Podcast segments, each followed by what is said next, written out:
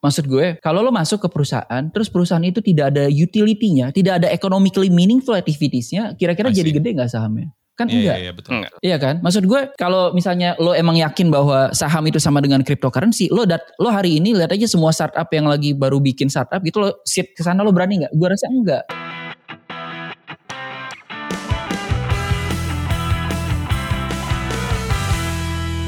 Podcast ngobrolin startup dan teknologi bareng gue Imbre dan di episode yang spesial ini kita kedatangan dua orang yang punya pendapat yang menggebu-gebu tentang Web3 dan dia adalah Iqbal dan Resi. Kita sapa dulu. Halo Iqbal, halo Resi. Halo, halo. Halo. Halo. Sebelum kita mulai nih, kalau boleh perkenalkan diri dulu lah sedikit. Mungkin dari Resi dulu kali. Halo, nama gue Resi. Gue dulunya front, senior front-end engineer di Kata.ai. Cuman sekarang kayak lagi dalam proses pindah kerja gitulah. Due to one, one reason or another. Tapi ya, ya nanti tunggu tanggal mainnya lah. masih, masih, masih belum finalize. Tapi kemarin udah ada di GitHub ya. ada yang ada yang menemukan sesuatu. Aduh, aduh, iya Aduh. ke gap. Tapi enggak, enggak. Itu itu belum belum final, belum final. Nanti tunggu tanggal mainnya. Oke, sip. Oke, thank you. nanti Res. nanti nanti kalau gue kasih tahu company sekarang nanti pada ini kan Pada apa? pada pada ini lagi pada ribut lagi Oke oke.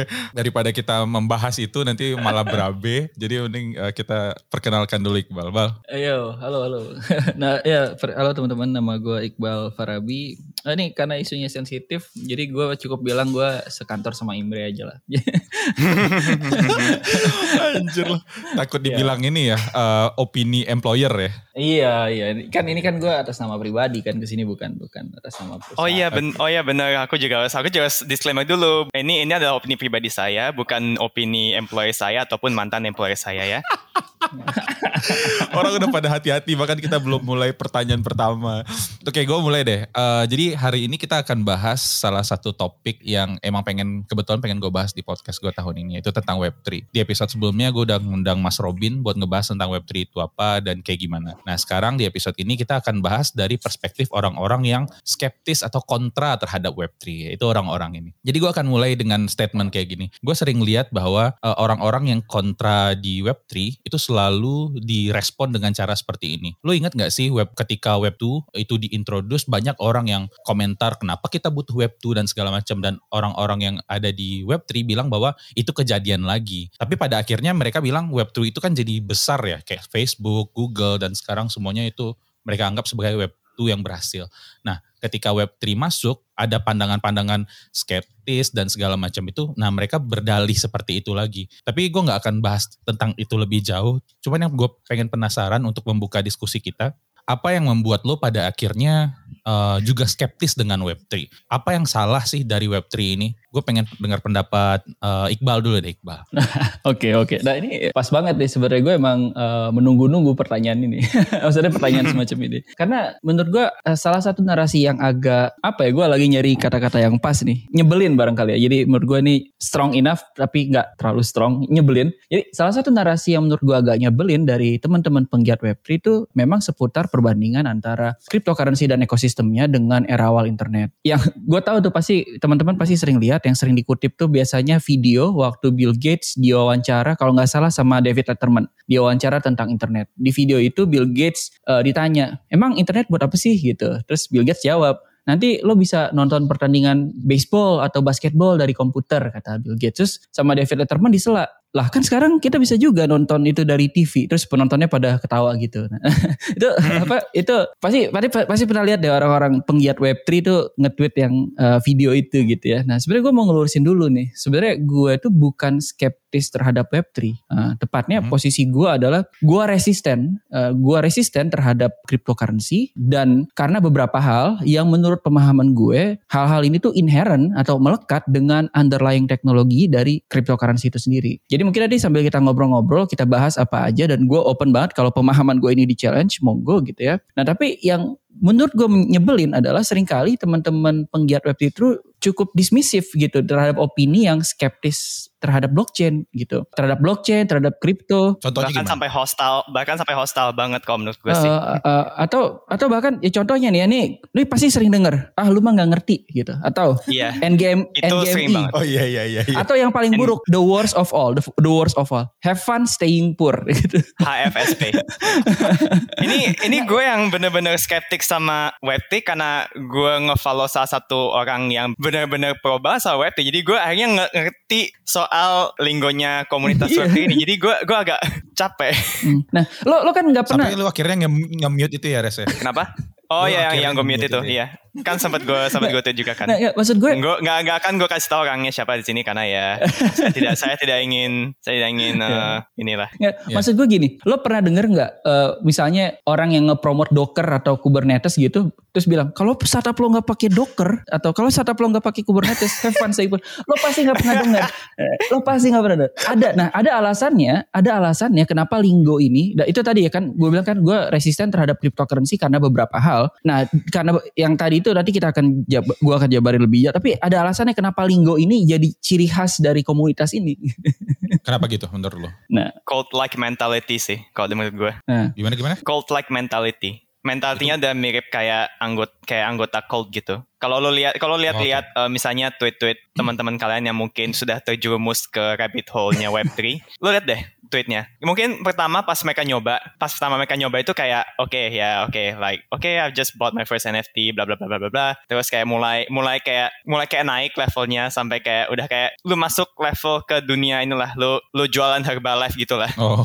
Ma- lu ma- makin makin naik levelnya tuh lu ma- makin kayak tweet lu kayak makin delusional kalau lu kalau orang luar itu baca Oke. dan giliran orang luar ke orang luar pengen nanya ini lu ngapain ini lu ngapain sih ini bukannya bukannya gini-gini ya terus nanti lu dibalas lagi dengan dengan retorika yang ya yang kayak Mas Tiba bilang kayak "Ih, gimana lah gitu kayak itu yang bikin itu yang bikin gue gue piss off soal kayak teman-teman teman-teman yang di yang bermain-main Web3 yang apalagi udah udah bener-bener pro banget ya kayak gitu ya mentalitas mereka kayak gitu kayak Hmm. bener-bener bener-bener kayak to stuck on their own bubble dan sedikit kritisisme kritisisme untuk teknologi ini pun kayak langsung dibantai dengan ya itu dibantai dengan cercaan kayak NGMI, HFSP dan semacamnya. Eh, ini pun belum kita ini belum kita ngomong soal ini ya belum soal teknologi ya. Jadi teknologinya pun juga ya teknologi blockchain yang cukup banyak kayak cukup banyak issuesnya underlying issuesnya yang sebenarnya banyak orang tuh nggak tahu bahwa sebenarnya yang the issues that Web3 are trying to solve have already been solved before dan isu-isu yang akhirnya isu-isu yang mereka solve pun juga akhirnya menuju ke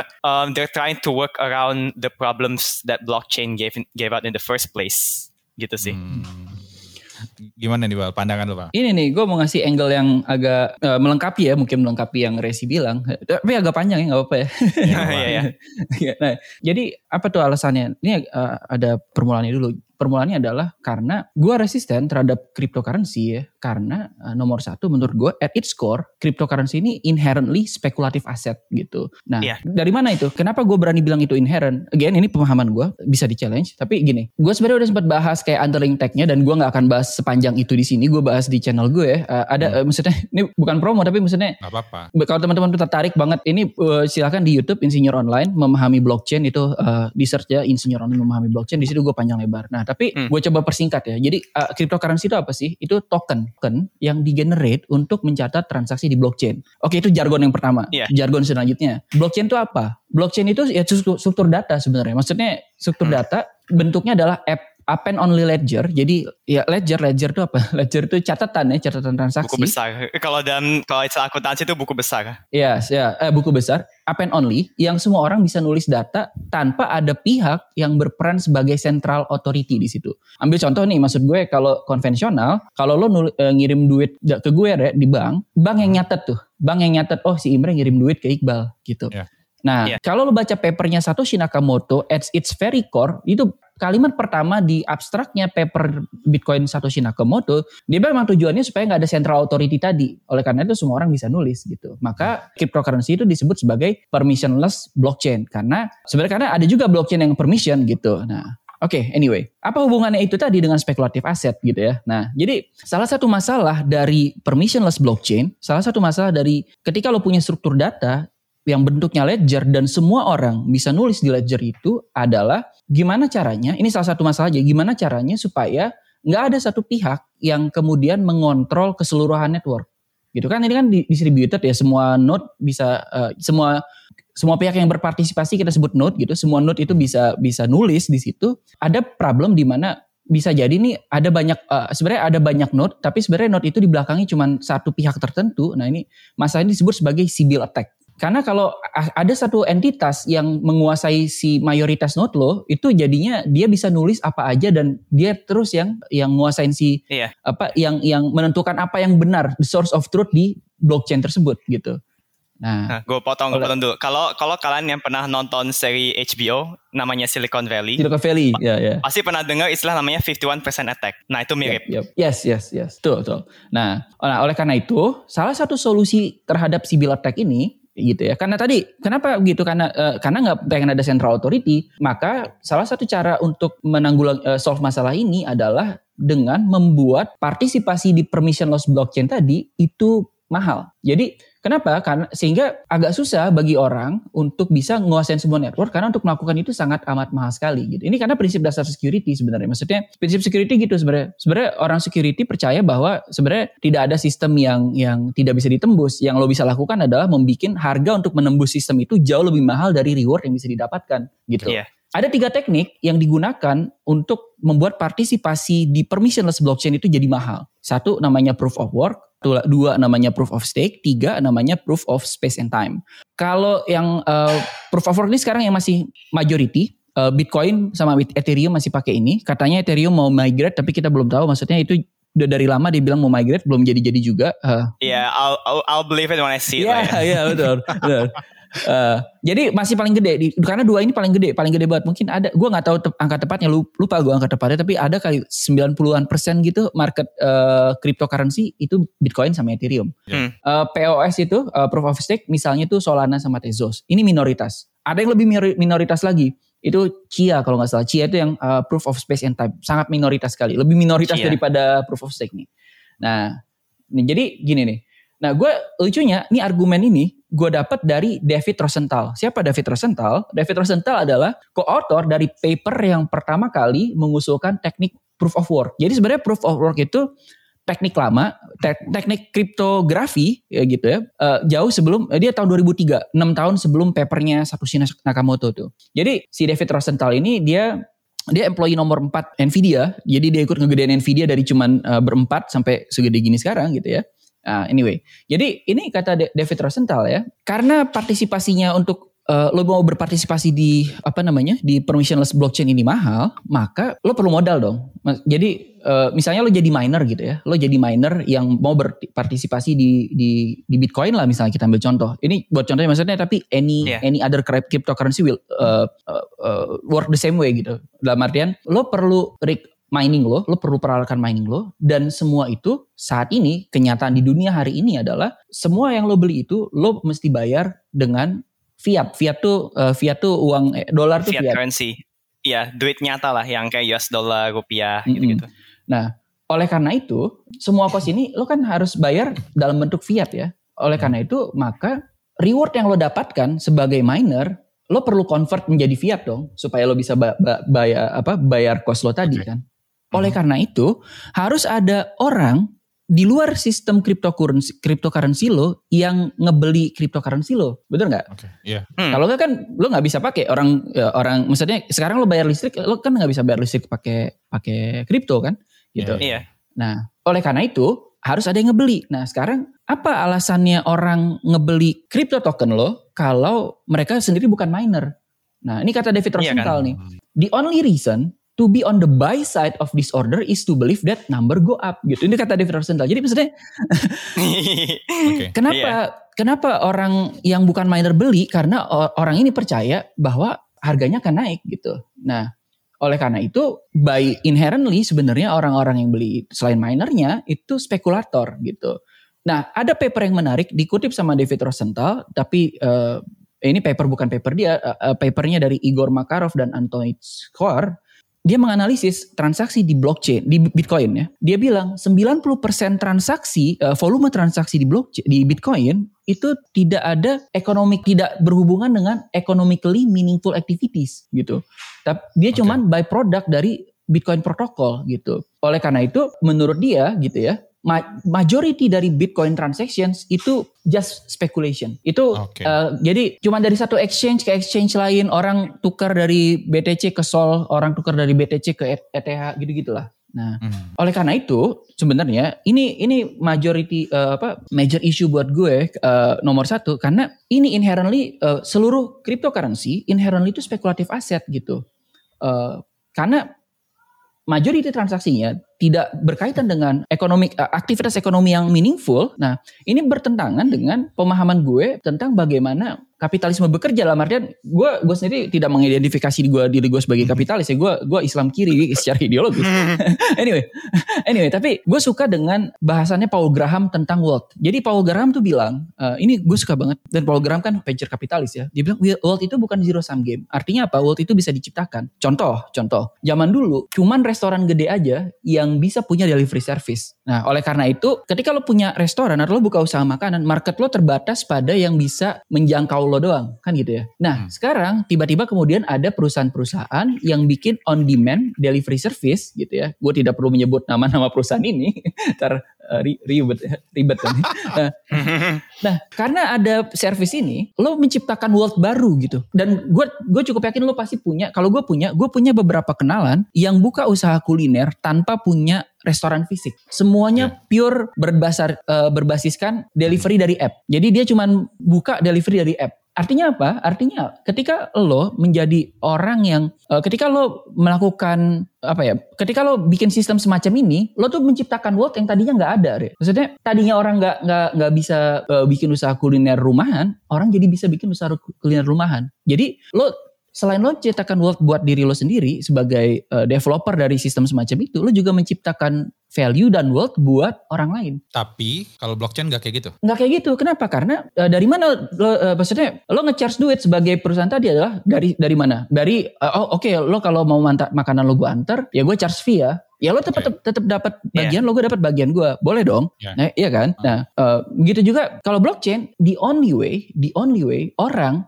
bisa mendapatkan reward to buy in. Uh, selain miners ya, ketika ada orang lain di belakang yang membeli tokennya dengan harga lebih tinggi ketika kita masuk gitu. Nah, ya, ya, ya. jadi benar. Itulah kenapa, ya itulah kenapa pada sistem seperti ini, kalau lo benar-benar berpikir uh, dengan matang, menurut gue lo akan sampai pada kesimpulan semakin telat lo masuk ke sistem cryptocurrency, maka lo semakin rugi karena ini sistem yang by design nge-reward orang yang masuk di awal by design inherent nih inherent. Okay. Nah itulah kenapa itulah kenapa linggo-linggo yang lo dengar seperti NGMI dan Have Fun Singapore karena memang kalau lo telusuri ke dalam underlying ekonomiknya adalah kalau lo masuknya telat lepur gitu. Tapi bukannya iya. itu emang kayak ini ya, apa yang udah terjadi sama dunia investasi kita ya? Maksudnya kan kayak ada orang hmm. invest di seed fund, ketika ini, dia exit otomatis kan dia ya dapat lebih besar, bukannya sama aja. Blockchainnya agak beda sih, karena kan kayak inherently kan inherently mereka decentralized dan inherently mereka non uh, well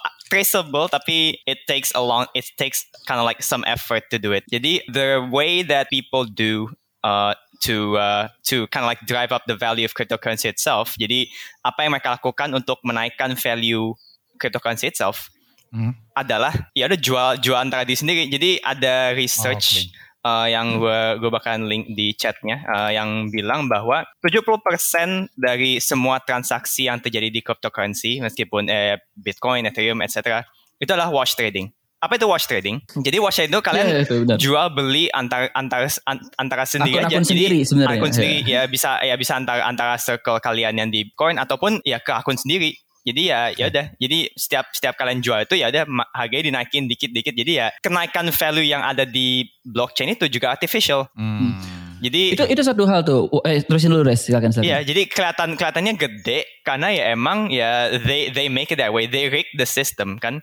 Jadi dan juga it came to the point where di mana ada yang terlalu once this cryptocurrency becomes the de facto standard, jadi ya udah it's gonna it's ended up being centralized to that one network, right? Jadi ya kalau kalian kalau kalian bilang bahwa cryptocurrency itu adalah decentralized, it's a it's kind of a lie. Oke. Karena lo lihat aja, jadi cryptocurrency itu awalnya di, digebu-gebukan oleh oleh pihak mereka yang pro dengan cryptocurrency ini adalah it's a way to break free from you know the big banking cartels that supposedly control the financial market, right? Jadi ya Yeah.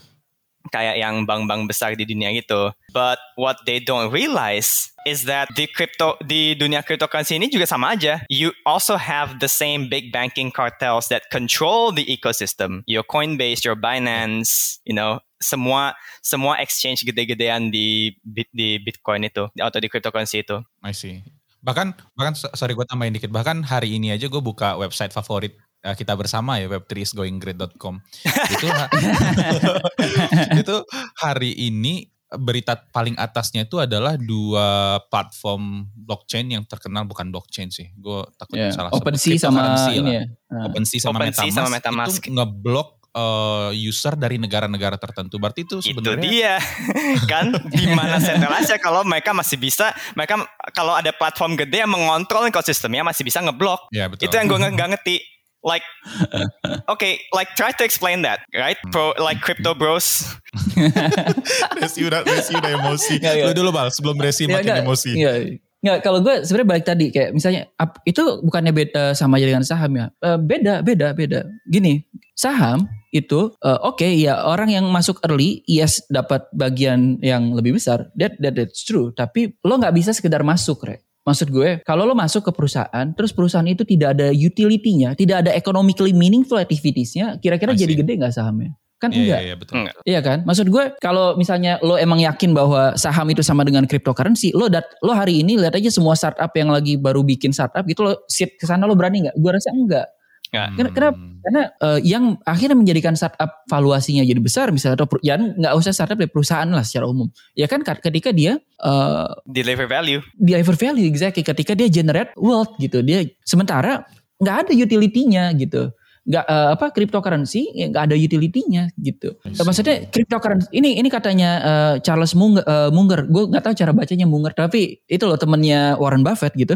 Dua-duanya punya opini yang sama bahwa ya cryptocurrency nggak menghasilkan apa-apa gitu. Ketika lo invest di bisnis, ini juga kenapa sebenarnya gue nggak nggak gue tidak pernah melakukan day trading karena gue tadi gue Islam kiri, gue merasa lo eh, gue tidak pengen menggantungkan nasib gue pada spekulasi gitu. Maksudnya idealnya kan saham itu adalah ketika lo naruh duit lo menjadi sa- apa beli saham sebuah perusahaan karena lo percaya perusahaan ini itu sebenarnya dia deliver value lebih dari yang dihargai di pasar, diharga apa di saham dia dihargai di pasar. Oleh karena itu lo beli saham dia karena lo tahu ketika orang-orang sadar, ketika orang-orang lihat bahwa oh gila dia bisa deliver ini ini nih revenue jadi segini Hmm. segini segini.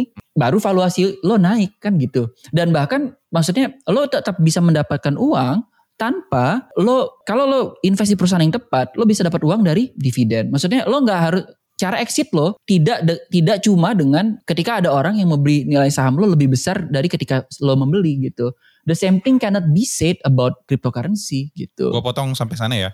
Eh, Nah. Tadi lu bilang tidak ada economically value dari cryptocurrency. Nah, tapi kan pada Economic kenyat- ya pada kenyataannya sekarang kan kita ngelihat nih kayak platform kayak NFT itu kan Nah itu. sebenarnya ada yang ditukarkan. Jadi ah, itu good apakah point itu good point sebenarnya, eh, itu kan Ah. mereka juga transaksi kan walaupun kalau tadi yang lo bilang nggak ada economic economically value-nya make sense kalau economically dia meaningful cuma ya ya ya Hmm. economically meaningful value-nya itu masuk akal kalau di di bidang trading. Jadi ya dia cuma tukar-tukar doang kan.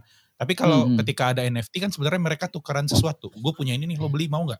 Ya lo dapat Nah. NFT gue gitu. Ya, itu itu good point tuh. Itu good point. Nah, kenapa kenapa orang-orang Web3 senang dengan NFT? Karena NFT adalah kelas aset pertama yang di dunia ini yang bisa lo eh, lo beli dan pertuk, eh, perjualbelikan murni dengan cryptocurrency Bener. gitu. Itu benar. Tapi still still ini tetap spekulatif aset menurut gue. Kenapa? Gini, eh, ambil contoh, eh, gue ambil contoh ya. Kalau besok Juve bilang eh, kita mau keluarin nih edisi limited edition jersey Alessandro Del Piero kan udah, udah pensiun dia ya. Ya. Cuma 50 doang adanya sedunia. Eh pada harga tertentu gue masih mau beli. Saya misalnya eh saya misalnya dia bilang 10 juta harganya satu piece gitu ya. Itu mahal buat gue. Tapi gue mau Iya. beli harga segitu. Tapi perbedaannya antara gue beli jersey limited edition Alessandro Del Piero yang cuma ada 50 eh, helai di seluruh dunia adalah I want to buy them for myself. Iya. Ada value-nya maksudnya gue bisa pakai, gue bisa pajang, gue bisa pakai jalan-jalan gitu. Ya sama aja Tapi- dong kayak NFT kan lu bisa Nah, pajang juga. ini- Masuk collection lu juga. Nah, ini sebenarnya ya ini sebenarnya ini this this kind of drop parallels dengan traditional art market. Traditional art market kayak yang dijual di rumah lelang kayak Sotheby's etc. Dan Hmm, bahkan hmm, bahkan sampai NFT ini pun sampai sampai diperjualbelikan di rumah lelang Sotheby's, tradisional ya. kan. Iya, iya. Nah itu Ya. uh, Nggak. because because they're inherently the same karena mereka cuma mereka cuma ngejual satu sama lain itu dengan ya dengan tujuan buat ngedrive up value-nya. Jadi yang benar-benar kayak lu lu punya satu kayak satu non this non fungible copy of something lu jual dengan value yang makin tinggi. Oke. Eh sorry gue punya pertanyaan. Eh, sebelum ke sana berarti semua apa pun nanti use case yang akan ada di cryptocurrency berarti jadinya emang akan spekulatif semua. Iya iya karena Inherently yes. karena itu deh maksud gue ketika gue beli jersey Del Piero, I gue beli itu buat diri gue. Maksudnya gue tidak membeli dengan pikiran bahwa harganya akan naik. Itu bedanya sebenarnya. Maksud gue orang beli NFT, orang beli NFT karena dia percaya harganya akan naik. Itu apa spekulatif gitu. Maksud gue gini, kalau lo lihat apa tuh eh BA, BAYC apa eh, yang board app board app ya board yang monyet-monyet Ya, itulah. Ya, monyet itu. apa yang maksud gue gini, apa yang menjadikan itu jauh lebih valuable dari yang lain? Karena di hype up aja gitu. Bener. Hmm. Di hype up aja dan akhirnya orang percaya oh dia harganya tinggi gitu. Maksud gue gini, apa yang menyebabkan jersey Del Piero kalau dibikin limited edition mahal harganya? Karena it's Del Piero maksud gue. Kayak kayak Sementara lu BA kayak lu beli Supreme tapi barangnya digital. Nggak, eh, itu satu apa maksudnya gini BA, BAYC itu bahkan kayak lo nggak tahu itu dia siapa gitu maksudnya buka kalau lo bilang karena lo mengapresiasi artisnya BAYC itu commission art artinya commission art itu Iya. adalah si ownernya BAYC itu ngemesen ke seorang digital artist terus digital artistnya bikin tapi itu commission art gitu jadi sebenarnya ownernya BAYC itu bukan yang bikin si board app-nya Hmm, itu gitu betul. gitu jadi ya itu maksudnya eh, ya gitu lo tuh beli sesuatu dan ini sebenarnya di tempat-tempat di mana eh, lo nggak tahu bagaimana lo bisa memvaluasi sesuatu. Karena karena gini, kan lo sempet nanya kan di Twitter tuh, gimana sih rarity-nya apa namanya? Rarity-nya Ah, NFT? NFT. Iya. Ya nggak nggak ada, nggak ada sama kayak batu akik aja gitu. Sebenarnya iya dan sebenarnya secara secara teknologi pun juga you're not technically buying the the actual thing. You're buying a receipt of you buying said thing dan receipt-nya itu pun juga mungkin di host di server lain, server lain kayak random server yang mungkin akan mungkin akan dimatikan di suatu saat nanti. Iya, iya sih. Terus- Ya itu Kayak- kan yang kejadian kemarin itu kan ada salah satu, satu orang yang bikin tulisan gitu. Dia bikin NFT dimasukin ke OpenSea. Kalau dibuka di OpenSea gambarnya bagus. Giliran udah dibeli Iya. dibuka di tempat lain malah jadi gambar tai gitu. Iya, iya Iya, itu, itu uh, si Moxie, Moxie, Moxie. Marlin Spike ya, uh, foundernya Signal. Yap, yap, yap. Ya gitu maksudnya. Jadi balik lagi ke pertanyaannya gitu kan. Dan orang-orang Web3 itu sering banget. Terus apa dong beda apa? Sama aja dong dengan art market tadi kata Resi tadi. Iya emang, emang art market itu scam. iya. Bahkan ada iya kan lu ada ada video uh, yang di Ah, iya. yang diupload sama Wendover Productions uh, salah satu channel Yep, yep. YouTube favorit gue.